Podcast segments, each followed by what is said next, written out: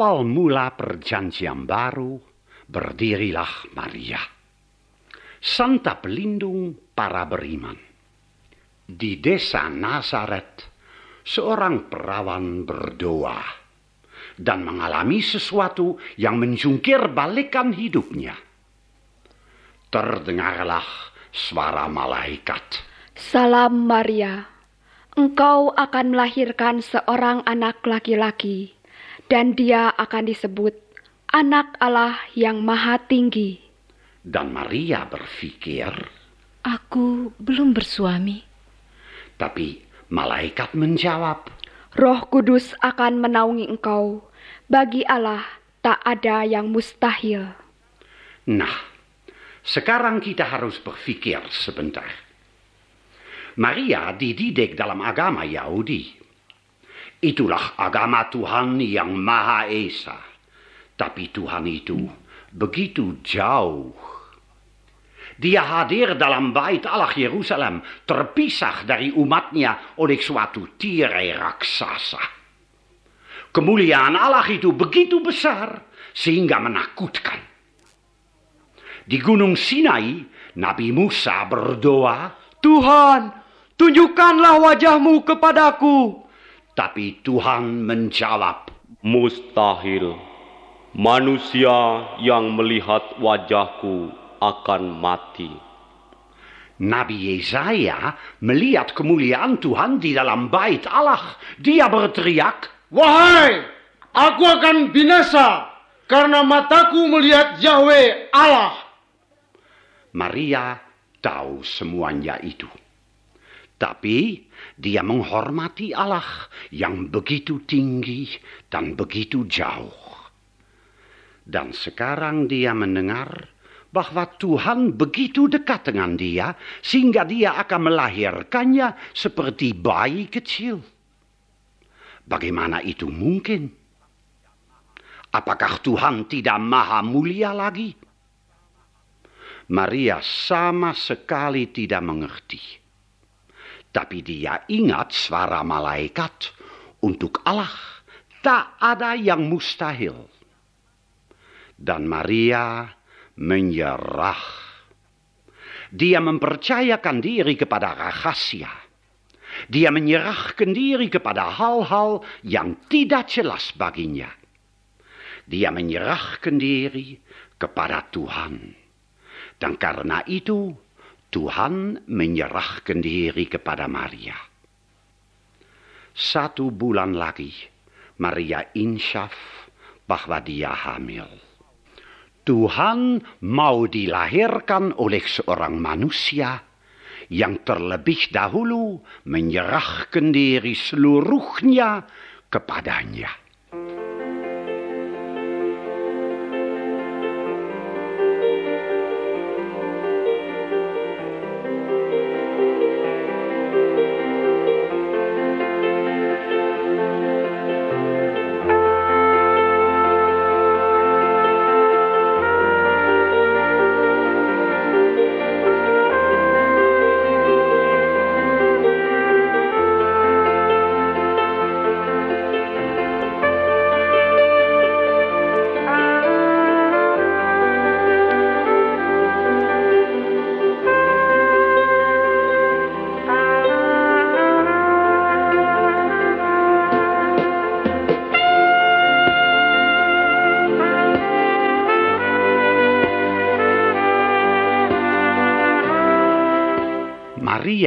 Mempercayakan diri kepada Tuhan. Apakah itu percaya? Santo Paulus memberi jawaban, Percaya itu menyerahkan diri kepada hal-hal yang tidak jelas. ini sukar untuk kita manusia modern. Kita bersedia menyerahkan diri, tapi hanyalah kepada hal-hal yang jelas bagi kita. Kita berwatak kritis. Kita hidup dengan fakta-fakta yang dapat kita lihat dan mengerti. Apa saja yang terjadi di luar alam pikiran itu, kita tolak dengan mentah-mentah. Ya, apakah kita percaya dengan sungguh-sungguh?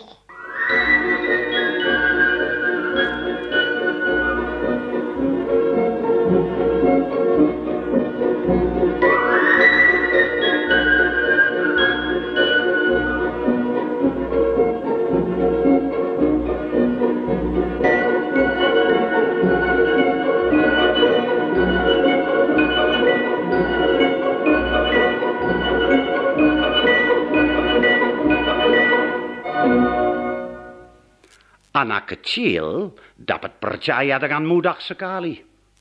Barangkali itulah sebabnya bahwa Tuhan begitu mencintai mereka. Anak-anak kecil senang mendengar dongeng. Tapi untuk menyukai dongeng harus berani percaya karena ada banyak hal-hal yang tidak jelas di dalamnya. Seorang tukang sihir yang sakti berkata kepada sang putri yang cantik dan berani, Tiuplah nafiri dan istana Raja Buaya akan roboh. Untuk seorang anak itu normal. Tapi kita orang dewasa mulai berpikir, Apakah hubungan di antara meniup nafiri dan robohan istana Raja Buaya? kita tidak melihat adanya hubungan itu. Dan kita berkata, Omong kosong. Itu dongeng. Tidak benar. tapi ini salah. Kalau kita tidak melihat hubungan, ini tidak berarti bahwa tidak ada hubungan. Tuhan adalah Tuhan. Dia mempunyai alam pikiran yang jauh lebih luas dari alam pikiran kita. Dan jumlah kemungkinan yang dapat dilaksanakan olehnya berjuta-juta kali lebih besar dari jumlah kemungkinan kita. Dia memberi perintah kepada orang Yahudi untuk meniup nafiri. Dan beteng Jericho roboh betul. Ini diceritakan di dalam kitab suci. Tapi waktu kita membaca itu, kita tersenyum, ragu-ragu, berpikir, Barangkali ada gempa bumi. Tapi pasti tidak karena nafiri itu. dan dengan itu kita membuktikan bahwa kita tak mau menyerahkan diri kepada hal-hal yang tidak jelas bagi kita. Dengan kata lain, bahwa kita tidak percaya. Yesus pernah berkata kepada seorang buta yang mohon untuk disembuhkan, Pergilah dan basuhlah matamu di kolam Siloam. seandainya si buta berpikir, Mengapa dengan air kolam Siloam? Apakah air dari sumurku tidak cukup baik? Ya, seumpama dia tidak mau memenuhi syarat yang aneh itu, seumpama dia menolak, dia akan tetap buta.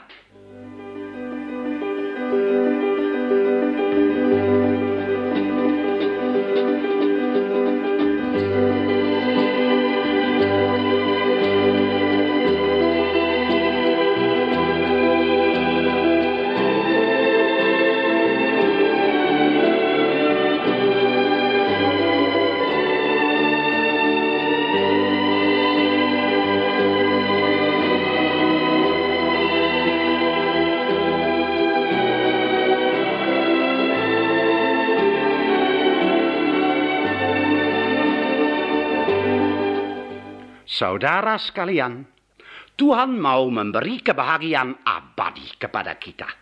Tapi untuk ini kita harus memenuhi syarat-syarat yang tidak kita mengerti.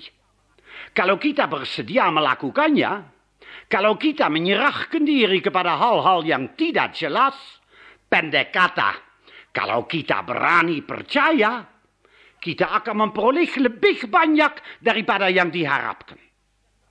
Tapi kalau kita tidak menyerahkan, kita akan tetap tinggal celaka. Dan kita akan mencelakakan dunia di sekitar kita.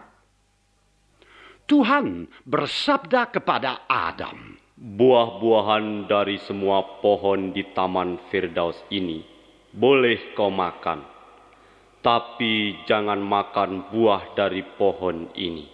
seandainya Adam berpikir, Alangkah baiknya Tuhan bahwa saya boleh makan begitu banyak buah.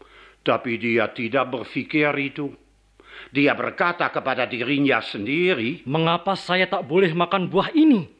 dan dia makan, dan karena itu dia bukan saja mencelakakan dirinya sendiri, melainkan seluruh umat manusia. Ya, Adam tidak mau memenuhi syarat yang tak jelas baginya. Dia selalu berpikir, mengapa begini, mengapa begitu. Dia tak mau menyerah. Dan kita semua anak Adam.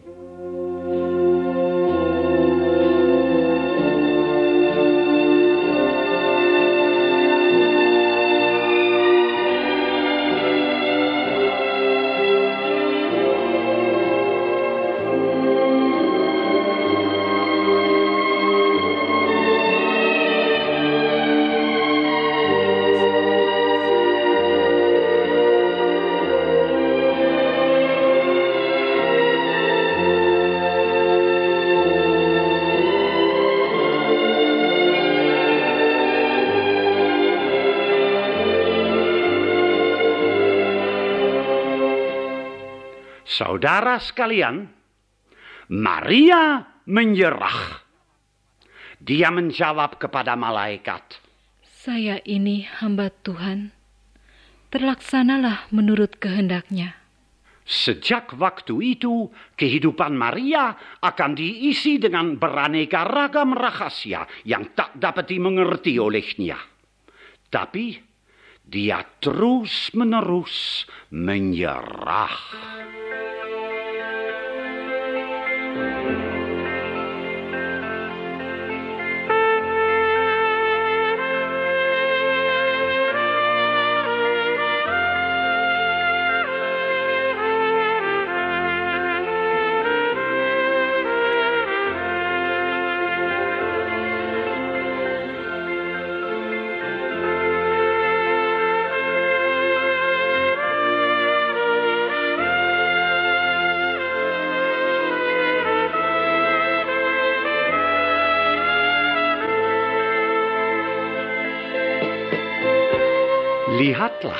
Bagaimana Yosef dan Maria berdiri di dalam sebuah gua gelap, kotor dan lembab.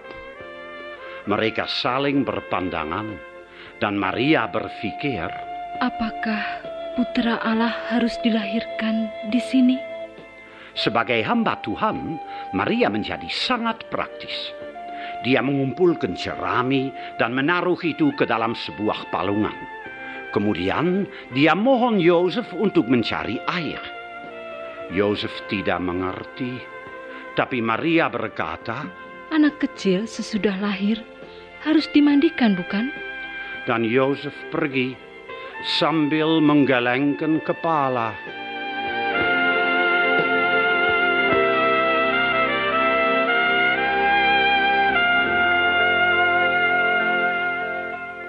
Setengah jam kemudian, dia kembali membawa sebuah kaleng kotor penuh dengan air.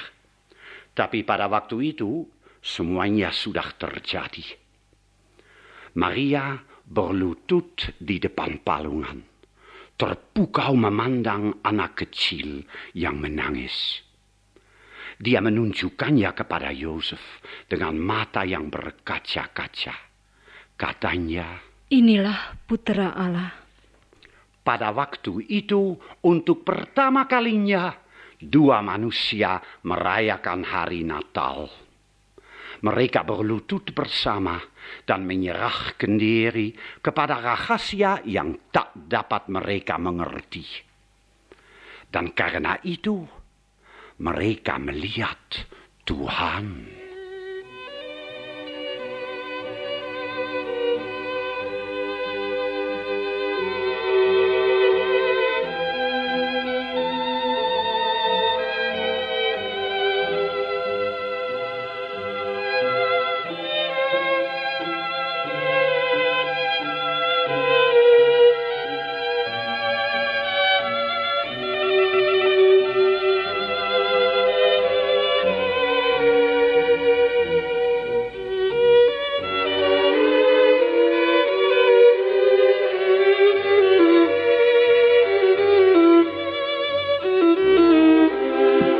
Akhirnya Jumat Suci tiba. Di puncak Bukit Kalpari, Maria berdiri di bawah salib putranya. Dia mendengar hina dan olok-olok dari beribu-ribu manusia. Dia mendengar rintian dan keluhan Yesus di sakratul maut. Dia mengalami kegagalan putranya yang terkasih. Maria menangis, tapi percaya. Ada suatu doa dari abad pertengahan yang sangat bagus. Maria yang berani percaya pada hari Jumat suci, kuatkanlah imanku. Ya benar, pada waktu itu di seluruh dunia hanya ada satu orang yang masih berani percaya. Itulah Maria.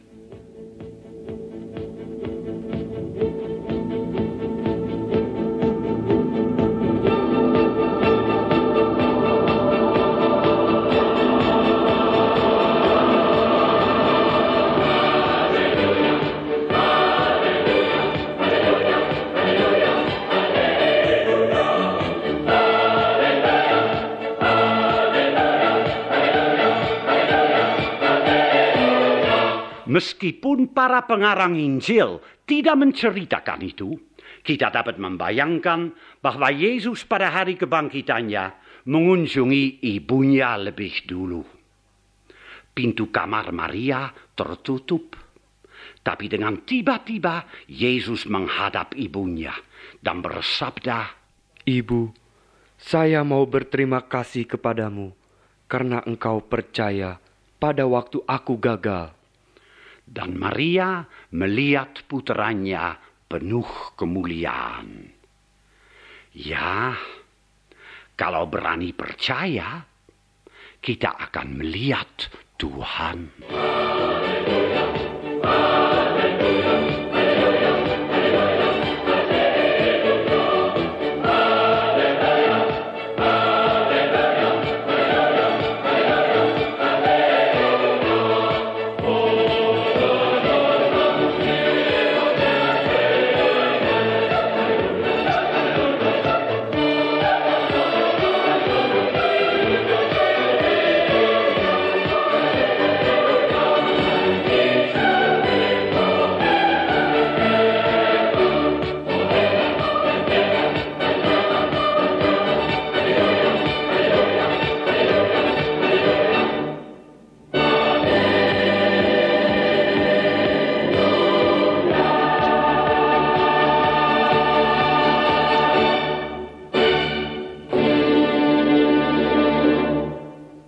Saudara sekalian, setiap kali Anda menyambut komuni, Anda melihat sekeping roti, lain tidak. Tapi imam berkata, tubuh Kristus. Ini sama sekali tidak jelas bagi kita. Beranikah saudara menyerahkan diri kepada hal-hal yang tidak jelas? Beranikah saudara percaya? Kalau masih ragu-ragu, harus berdoa. Maria yang berani percaya pada hari Jumat suci, kuatkanlah iman kami. Dan surga akan berkedip-kedip untuk Anda.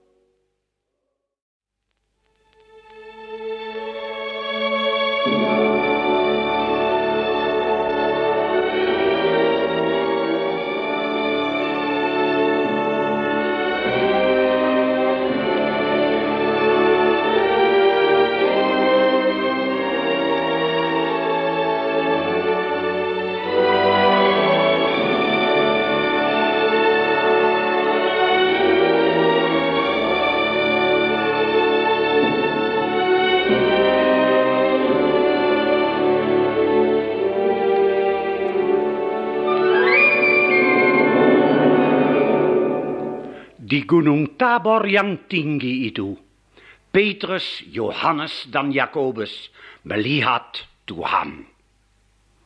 Yesus ingin memberi semangat kepada rasul-rasulnya, dan dia membiarkan selubung manusiawinya lenyap untuk sementara waktu saja. Dan oleh karena itu, mereka melihat Tuhan. Mereka sangat gentar, tapi juga merasa berbahagia. Petrus tidak mau pergi lagi. Dia mau membangun pondok dan tinggal di sana. Tapi ini bukan maksud Yesus.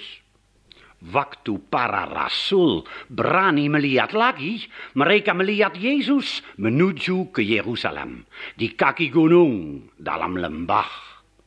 Pualam bait Allah Yerusalem disinari oleh matahari yang sedang terbenam. Itulah tempat mereka. Dunia.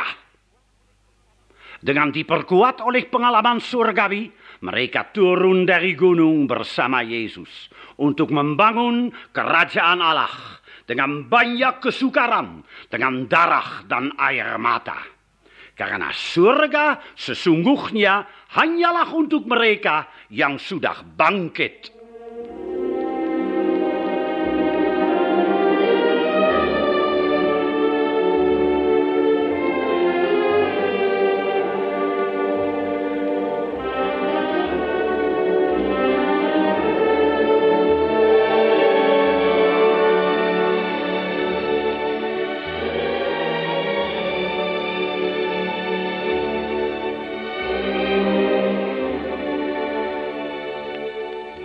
Saudara sekalian, Yesus sudah naik ke surga.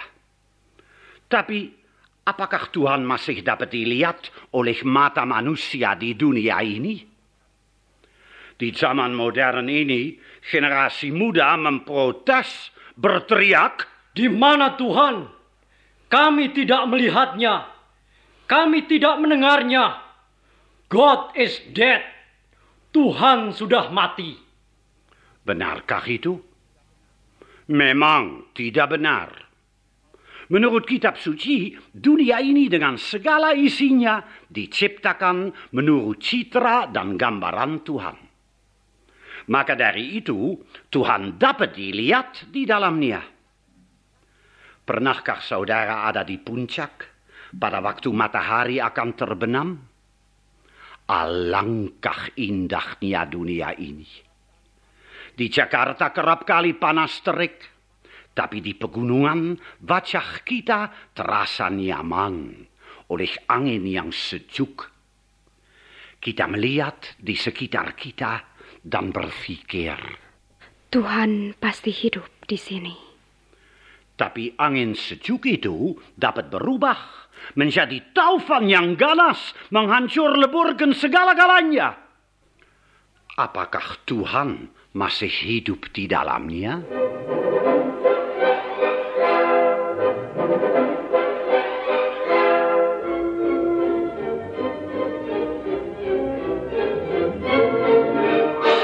Di sana juga terdapat banyak sungai kecil. Airnya terus mengalir tenang dan kadang-kadang yang gemericik itu beriak di tiup angin. Airnya begitu jernih dan murni. Tuhan pasti ada di sana. Tapi sungai itu dapat berubah menjadi banjir yang menenggelamkan segala apa yang ada di sana. Apakah ketika itu Tuhan masih hidup di dalamnya?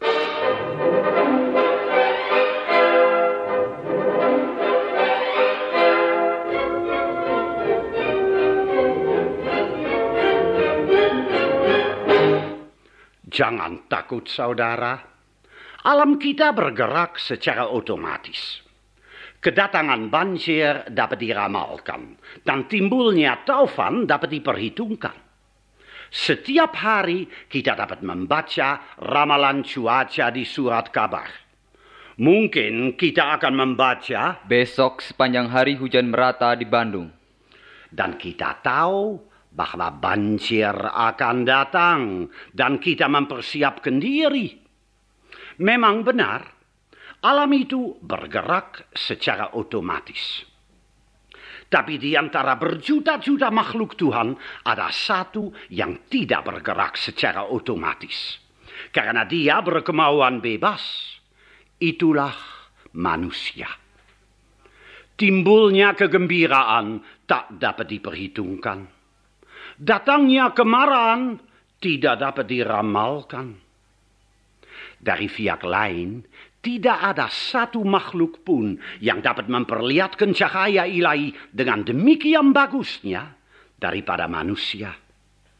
Dia bukan saja diciptakan Tuhan menurut citra dan gambarannya, dia juga dipermandikan menjadi anak Allah. Dan seorang anak selalu mirip orang tuanya, bukan?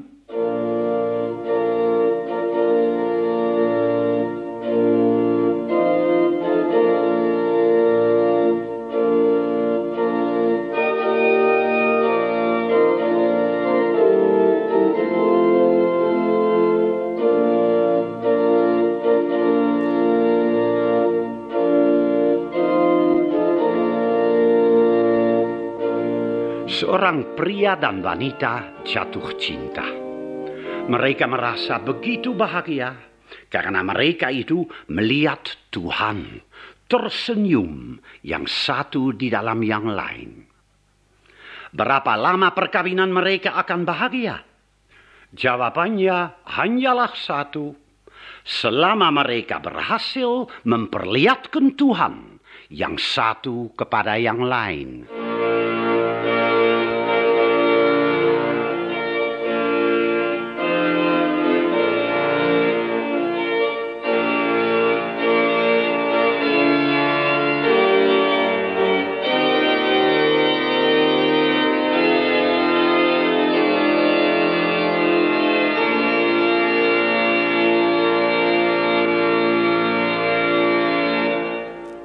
Tapi dapat terjadi bahwa mama yang begitu cantik berubah menjadi singa betina yang menodai kemurniannya dan mengkhianati cinta kasihnya. Dan hal ini tak dapat diramalkan sebelumnya. Dapat terjadi bahwa papi berubah menjadi binatang buas yang hanyalah hidup untuk melampiaskan hawa nafsunya. Gagallah perkawinan, hilanglah kebahagiaan. Apa sebabnya? Tuhan tidak bisa dilihat lagi. Dan ini tak bisa diperhitungkan. Manusia mempunyai kemauan bebas. Dan tak ada seorang pun yang dapat meramalkan kapan ia akan menyalahgunakannya.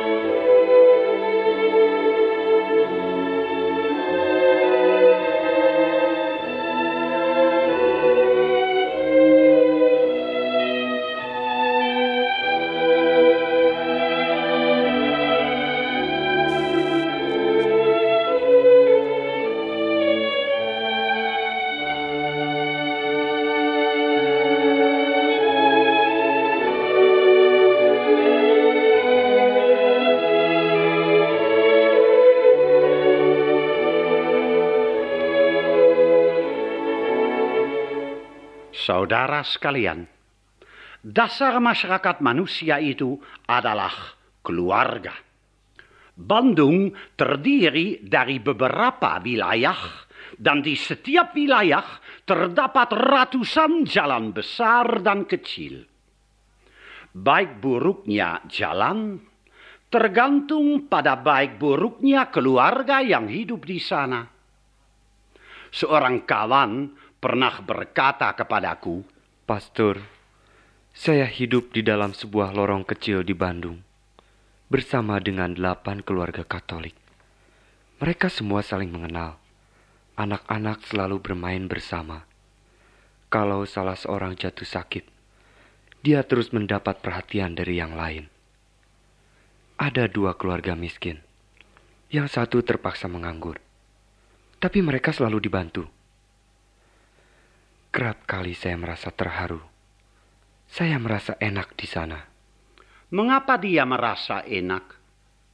Karena Tuhan dapat dilihat di sana.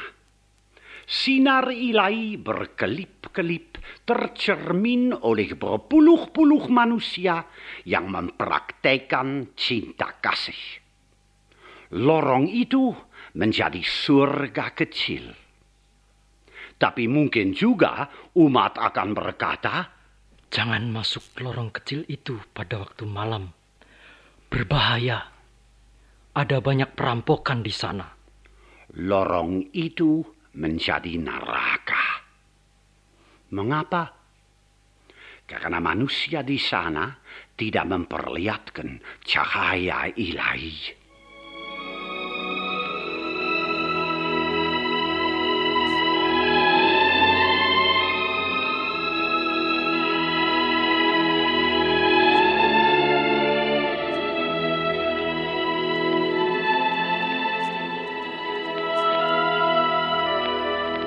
Saudara sekalian, kita menghadapi suatu pilihan yang menggemparkan.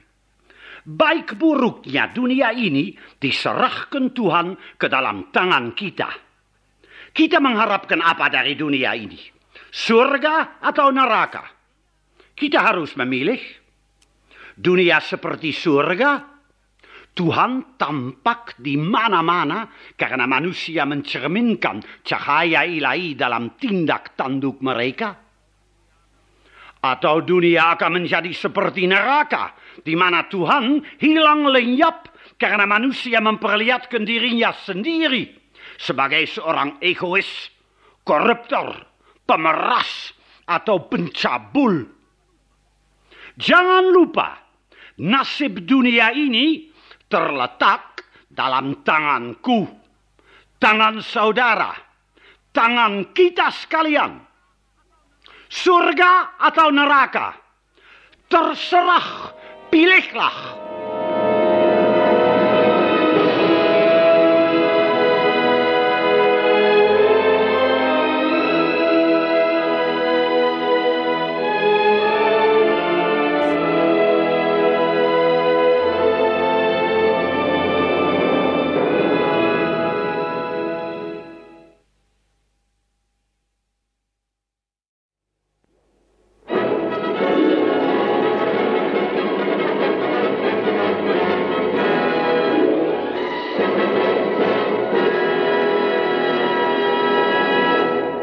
Cerita dalam Injil Yohanes tentang seorang buta sejak lahirnya yang bertemu dengan Yesus dan disembuhkan di kolam Siloam sangat panjang, tapi juga sangat mengharukan. Kita bertemu dengan diri kita sendiri di dalamnya. Kalau saudara akan membaca cerita ini dengan seluruhnya, pada akhirnya, saudara akan mendengar Yesus bersabda, Aku datang ke dunia ini untuk menghakimi, supaya barang siapa yang tidak melihat dapat melihat, dan barang siapa yang melihat dapat menjadi buta. Bagaimana ini mungkin? Apakah Yesus membutakan manusia? Pasti tidak, karena Yesus adalah cinta kasih. Tapi manusia dapat membutakan dirinya sendiri. Dia berkemauan bebas dan dia dapat menyalahgunakan kebebasannya untuk memuaskan hawa nafsunya. Hawa nafsu kebencian, hawa nafsu ambisi, hawa nafsu membalas dendam. Dengan begitu, dia membutakan diri dan Yesus tidak akan menghalanginya karena dia tahu bahwa kemauan bebas yang tak dapat disalahgunakan tidak bebas lagi. Yesus merupakan tantangan untuk kita sekalian. Kita secara bebas harus menetapkan sikap hati kita terhadap Dia. Dia bersabda, "Akulah terang dunia." Mata manusia membutuhkan terang untuk melihat. Kalau mata kita tidak kena terang, kita hidup dalam kegelapan. Kalau kita menerima terang dari Yesus, kita melihat. Kalau kita menolaknya, kita menjadi buta. Meskipun mata kita dapat melihat.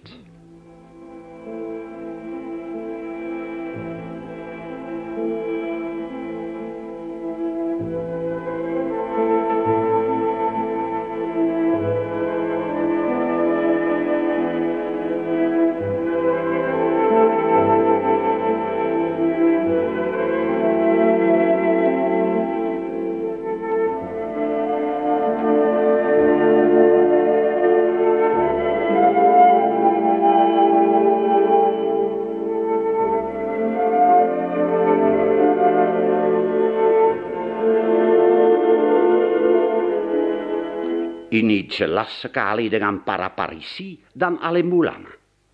Mereka menolak Yesus. Akibatnya, kesombongan membutakan mereka. Mereka tidak melihat terang Yesus. Ini kadang-kadang jelas juga dengan para rasul. Mereka tidak mau mengikuti Yesus, melainkan mereka mau bahwa Yesus mengikuti mereka. Karena itu, mereka tidak melihat inti pelajaran Yesus, ialah salib yang membangkitkan. Mereka melarikan diri dari salib itu. Mereka menyangkal Yesus yang memanggulnya. Mereka mengkhianatinya. Ini semua akibat dari kebutaan mereka. Ya, mata para rasul melihat banyak. Tapi di hadapan Yesus, mereka tetap buta. Dan kemudian mereka bertemu dengan seorang gelandangan di tepi jalan. Dia bau busuk, dia kotor dan terlantar karena dia sudah buta sejak lahirnya. Dan dia mohon kepada Yesus supaya dia dapat melihat. Saudara sekalian, para rasul yang melihat banyak tetap buta.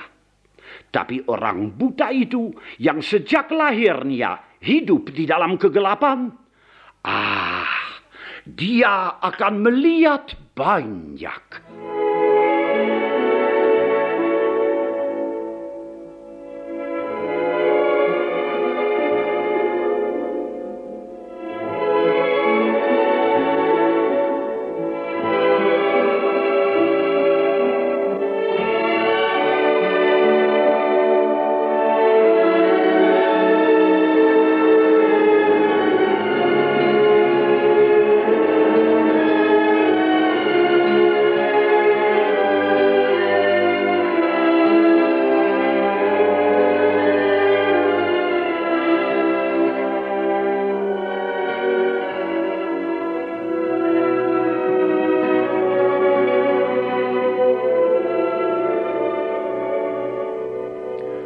Yesus menyentuh matanya dan bersabda, Pergilah dan basuhlah matamu di kolam Siloam. Nah, coba bayangkan apa yang terjadi di sana. Dia membasuh matanya dan secara mendadak tirai gelap dirobek dari matanya. Dan dia melihat. Dia melihat keindahan dunia. Dia melihat pepohonan dan bunga mawar di taman. Bahkan dia melihat dirinya sendiri dipantulkan oleh air dari kolam Siloam. Dan dia merasa sangat bahagia. Dia berlutut dan berterima kasih kepada Tuhan bahwa dia bisa melihat.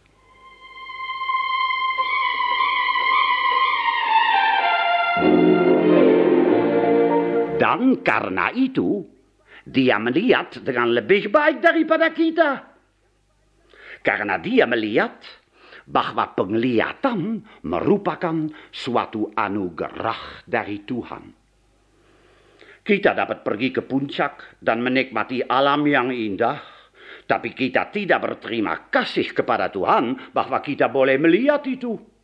Ini kita anggap sesuatu yang normal. Kita berterima kasih kepada Tuhan bahwa doa kita dikabulkan. Tapi saudara, siapa berani berterima kasih kepada Tuhan bahwa dia menciptakan dua belah kaki yang bagus, lincah, dan kuat? Ini kita anggap normal. Ya, egoisme membutakan. Tapi Tuhan adalah maha baik. Kadang-kadang dia mendobrak kebutaan kita. Dan secara mendadak kita melihat lebih dalam.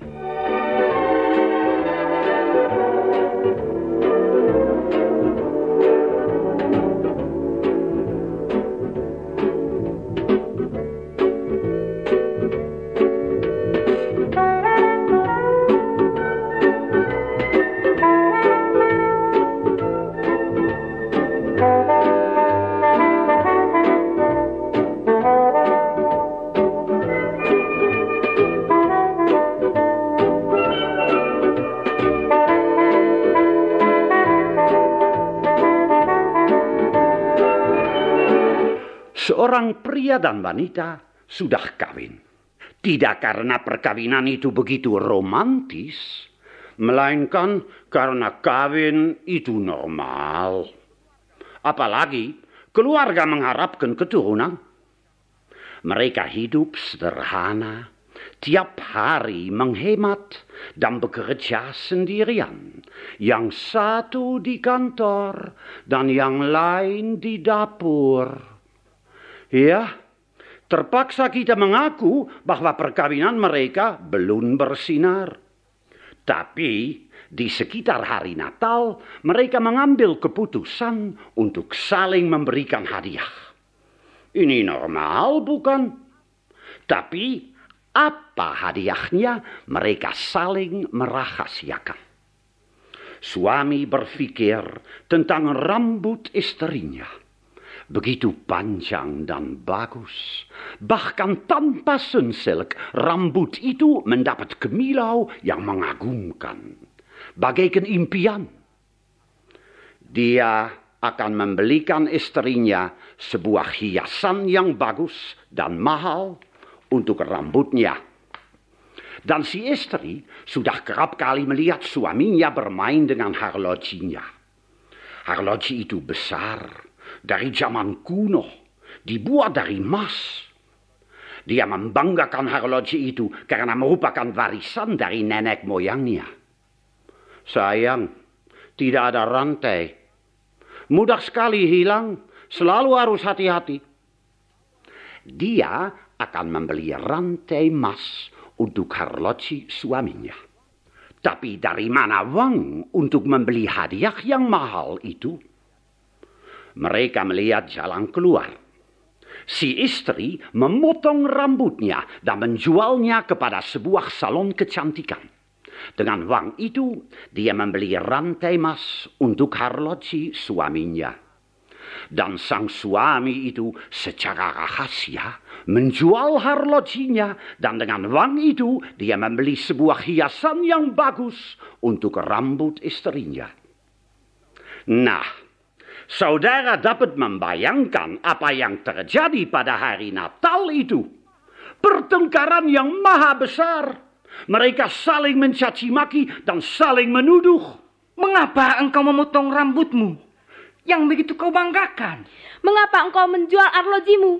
Yang begitu kau sukai. Dan mereka menangis. Hari Natal untuk mereka gagal. Tetapi dengan tiba-tiba istri memandang suaminya berkata, Aku tahu jawaban. Aku tahu mengapa kita membuat ketololan itu. Kita mengorbankan begitu banyak yang satu untuk yang lain. Karena kita saling mencintai. Oh, manisku. Dan dia memegang tangan suaminya. Ada kecupan dan suami menyusul. Tak pernah saya menerima hadiah Natal yang begitu bagus. Mereka saling memeluk erat-erat dan membuat banyak hal lain yang tidak perlu saya lukiskan karena saya dapat meringkaskan semuanya itu dengan satu kata saja. mereka melihat.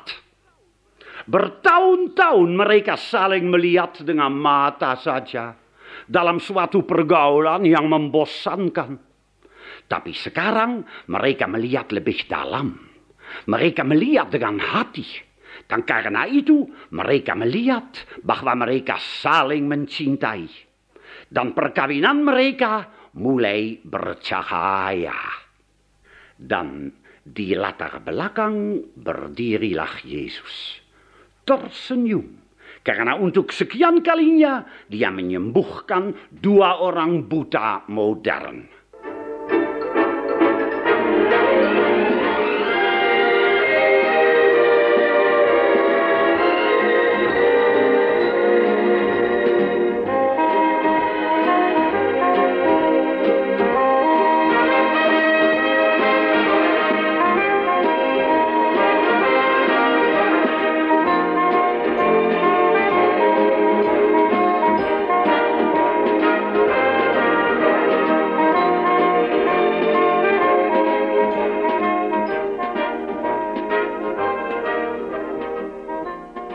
Si buta dari kolam Siloam membasuh matanya. Dan pada waktu itu dia melihat banyak warna dan bentuk yang indah. Tapi ini biasa. Ini normal. Namun di dalam hal-hal yang biasa dan normal itu dia melihat sesuatu yang jauh lebih bagus, yang istimewa betul. Dia melihat Tuhan yang memberi. Dia lari pergi ke bait Allah dan memberi kesaksian di depan para alim ulama dan para parisi. Tapi mereka memprotes. Yesus itu bekerja pada hari sabat. Karena itu dia seorang pendosa. Ya, mereka buta dengan sungguh-sungguh. Tapi si buta yang baru melihat, sekarang melihat kebutaan mereka.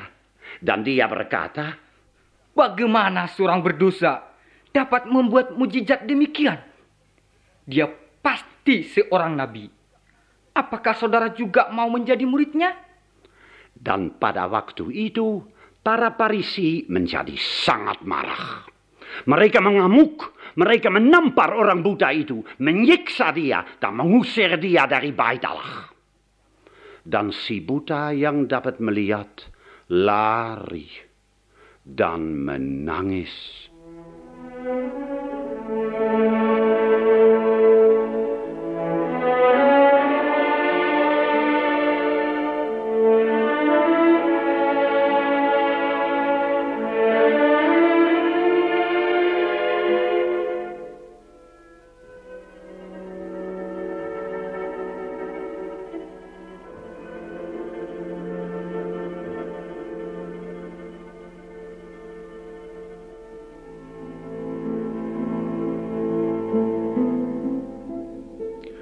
Dalam gubuknya, dia mengalami krisis kepercayaan.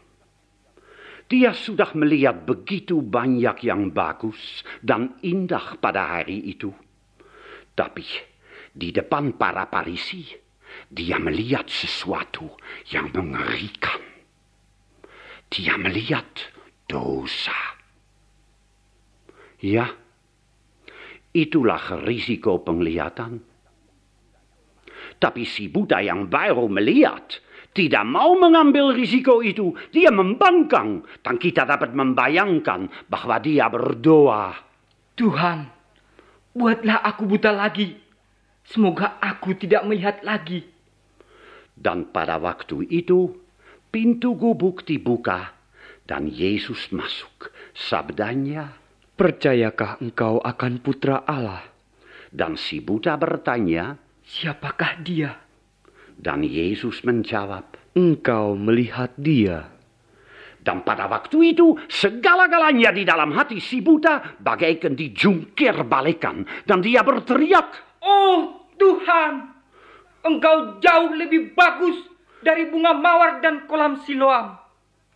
Untuk sementara waktu saja, surga berkelip-kelip baginya. Dia melihat Tuhan.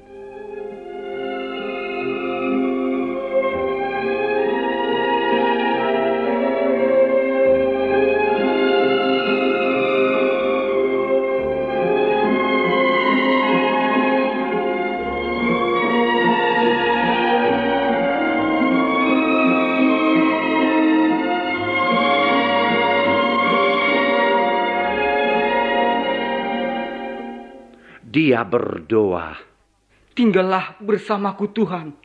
Jangan pergi. tapi kita dapat membayangkan jawaban Yesus. Sahabatku, ini tidak mungkin. Dunia ini bukan surga. Di sini engkau selalu akan melihat gelap dan terang, kotor dan murni, setan dan Tuhan. Saudara sekalian, kita manusia modern banyak sekali mengalami krisis kepercayaan.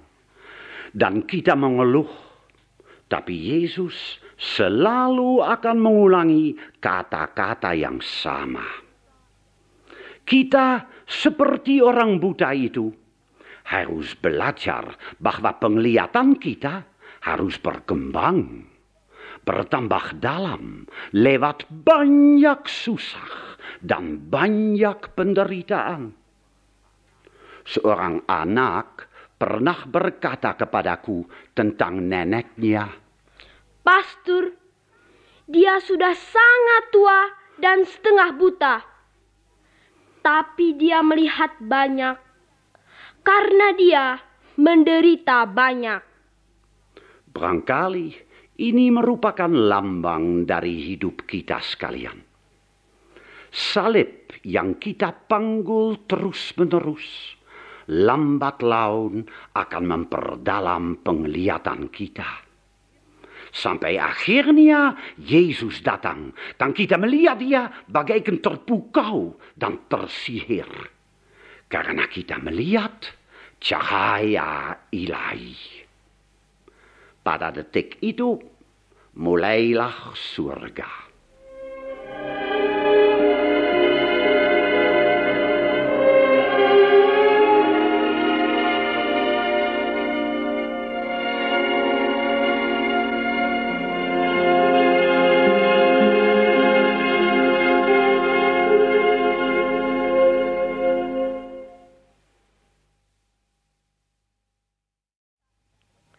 Yesus bersabda, "Tak seorang pun dapat mengabdi kepada dua tuan, karena jika demikian, ia akan membenci yang seorang dan mengasihi yang lain, atau ia akan setia kepada yang seorang dan tidak mengindahkan yang lain." Kamu tidak dapat mengabdi kepada Allah dan kepada Mamon.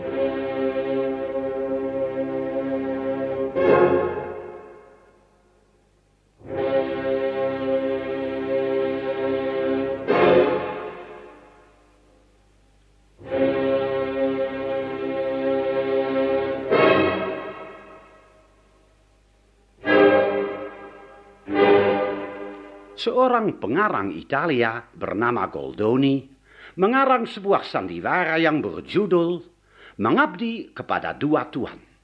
Lucu sekali. Seorang pelayan yang mau mengabdi kepada dua tuan mendapat tugas dari mereka yang sama sekali bertentangan, tapi dia mau memuaskan kedua-duanya. Akibatnya, suatu kekacauan yang luar biasa. Dia dicaci maki oleh kedua tuannya itu. Dia mendapat teguran yang hebat dari kedua belah pihak. Dan kita tertawa, tertawa terbahak-bahak karena sandiwara yang begitu lucu dan pelayan yang begitu tolol. Barangkali kita mentertawakan diri kita sendiri.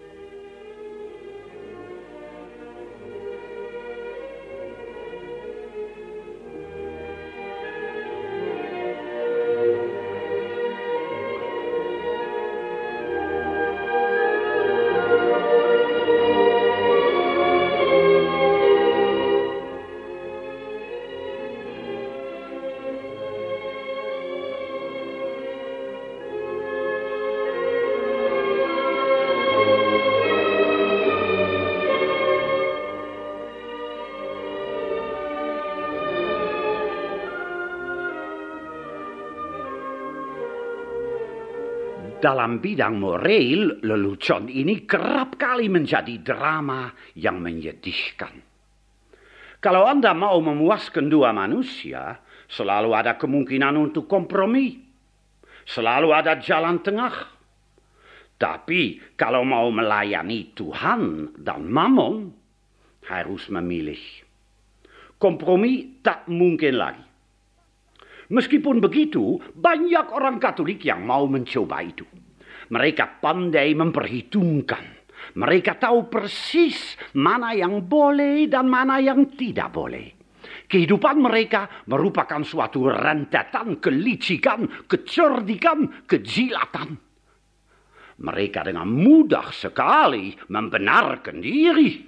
Jangan takut, ini belum dosa. Kan kita boleh menikmati hidup, bukan? Main-main cinta boleh saja, asal tidak keterlaluan. Apalagi selalu ada pil untuk keadaan darurat. Memang, tidak boleh memeras atau menipu. Tapi kita terpaksa menyisihkan diri dengan suasana bursa Bandung. Dan begitu mereka tawar-menawar terus. Meninabobokan suara hati mereka dengan semboyan yang bagus. Kehidupan mereka berbelok-belok. Penuh tikungan. Tak pernah lurus. Karena harus mengabdi kepada dua tuan. Diri sendiri dan, kalau mungkin, Tuhan juga. Mereka bukan pahlawan, melainkan khusus orang pelin-pelan melulu. Lain tidak.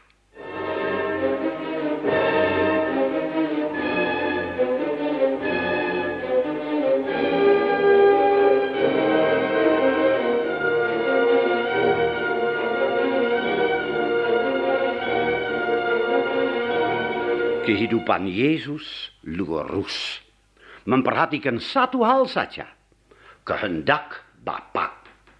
Yesus memberi teguran yang berat kepada Petrus. Pikiranmu bukan pikiran Allah, melainkan pikiran manusia.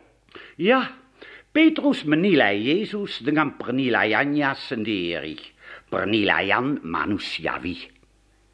Yesus mau dinilai dengan satu saja. Kehendak Bapa. Itulah reaksi dari putra Allah yang menjadi manusia. Dari pihak lain, Yesus adalah manusia sungguh-sungguh. Dia dapat digoda oleh keinginan khusus manusiawi seperti kita. Dan dia membiarkan dirinya digoda. Rakyat kerap kali mohon kepadanya untuk memperlihatkan diri, untuk menyolok, untuk menarik perhatian kepada dirinya sendiri. Para parisi yang berkemauan baik mohon satu tanda dari surga. Untuk Yesus ini merupakan penyelewengan. Sukses. Menyolok. Karena itu jawaban Yesus selalu sama. Dia mengundurkan diri ke padang gurun untuk berdoa. Padang gurun sepi. Suara Bapa dapat didengar di sana. Padang gurun kosong. Di sana ada tempat untuk Bapa Allah. Dia dapat ditemukan di sana.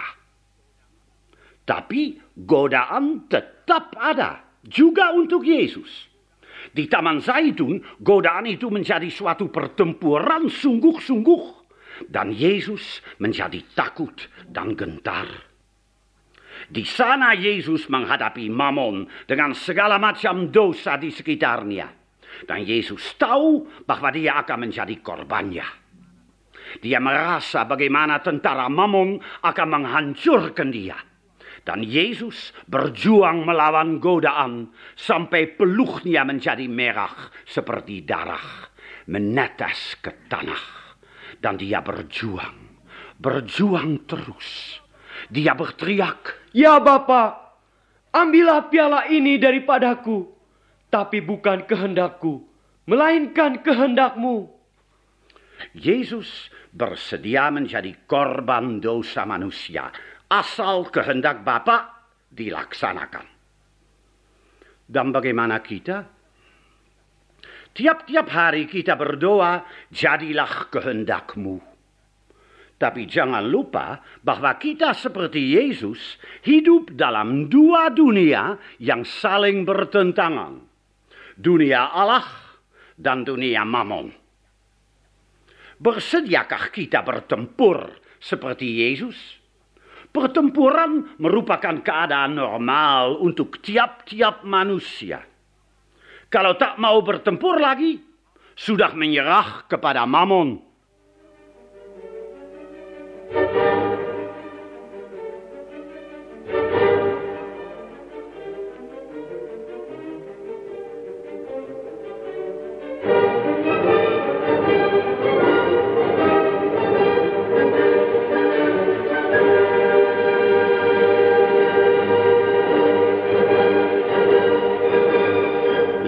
Bangsa Yahudi. Mereka baru menyeberang Laut Merah. Tentara Mesir sudah mati tenggelam dan air laut sekarang aman lagi. Dari jauh mereka masih melihat bukit-bukit dan piramid-piramid. Itulah negara perbudakan. Sekarang mereka sudah merdeka. Dua minggu kemudian di kaki gunung Sinai mereka bersumpah segala firman Tuhan akan kami lakukan. Dan Nabi Musa menyiram mereka dengan darah dari korban berteriak. Inilah darah perjanjian yang diadakan Tuhan dengan kamu. Ya, benar. Pada waktu itu bangsa Yahudi memilih Tuhan. Tapi dua hari lagi mereka menari-nari di sekitar anak lembu emas. Bagaimana itu mungkin? Karena mereka sama sekali tidak merdeka. Mas dan intan Mesir yang mereka rampas sebelum berangkat masih gemerincing dalam kantong mereka. Ketahyulan pada dewa-dewi Mesir yang begitu lama mereka hormati masih melekat pada khayalan mereka. Belum dilupakan. Sinai dan Mesir berdekatan dalam jiwa mereka. Ya, mereka hidup dalam dua dunia yang saling berdekatan. Dan mereka akan berjuang terus berabad-abad untuk membebaskan diri dari mamon Mesir yang masih menghantui mereka. Kalau tak mau berjuang, pasti mulai memuja berhala lagi. Menyerah kepada mamon.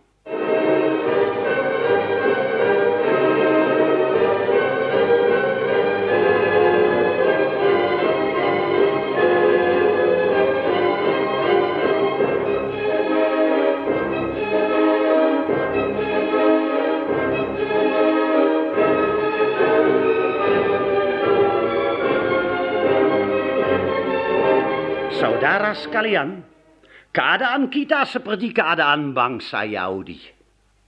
Sinai dan Mesir, Tuhan dan Mammon, mereka hidup di sekitar kita. Mereka hidup di dalam hati kita. Sangat dekat satu dengan yang lain. Kita bersumpah setia kepada Tuhan, tapi warisan Adam di dalam jiwa kita belum hilang. Mau memegang peranan. Sebenarnya kita harus berjuang. Tapi kita ragu-ragu. Mulai tawar-menawar dan menipu diri. Di hadapan umum kita mempertahankan keadilan sosial. Tapi sebenarnya kita menyalahgunakan slogan yang bagus itu untuk menyelimuti egoisme atau kerakusan kita. Kita bersedia memegang peranan dalam aksi sosial atau gerakan liturgi. Tapi sebenarnya kita mau menonjol juga, menarik perhatian. Dan dengan begitu kita main-main terus, tawar-menawar terus. Tapi kadang-kadang Yesus menghadapi kita dengan terus terang. Sebagai tantangan dia menjungkir balikan harapan kita yang tersembunyi. Dia memusnahkan impian-impian kita dan memaksa kita untuk melihat dan memilih.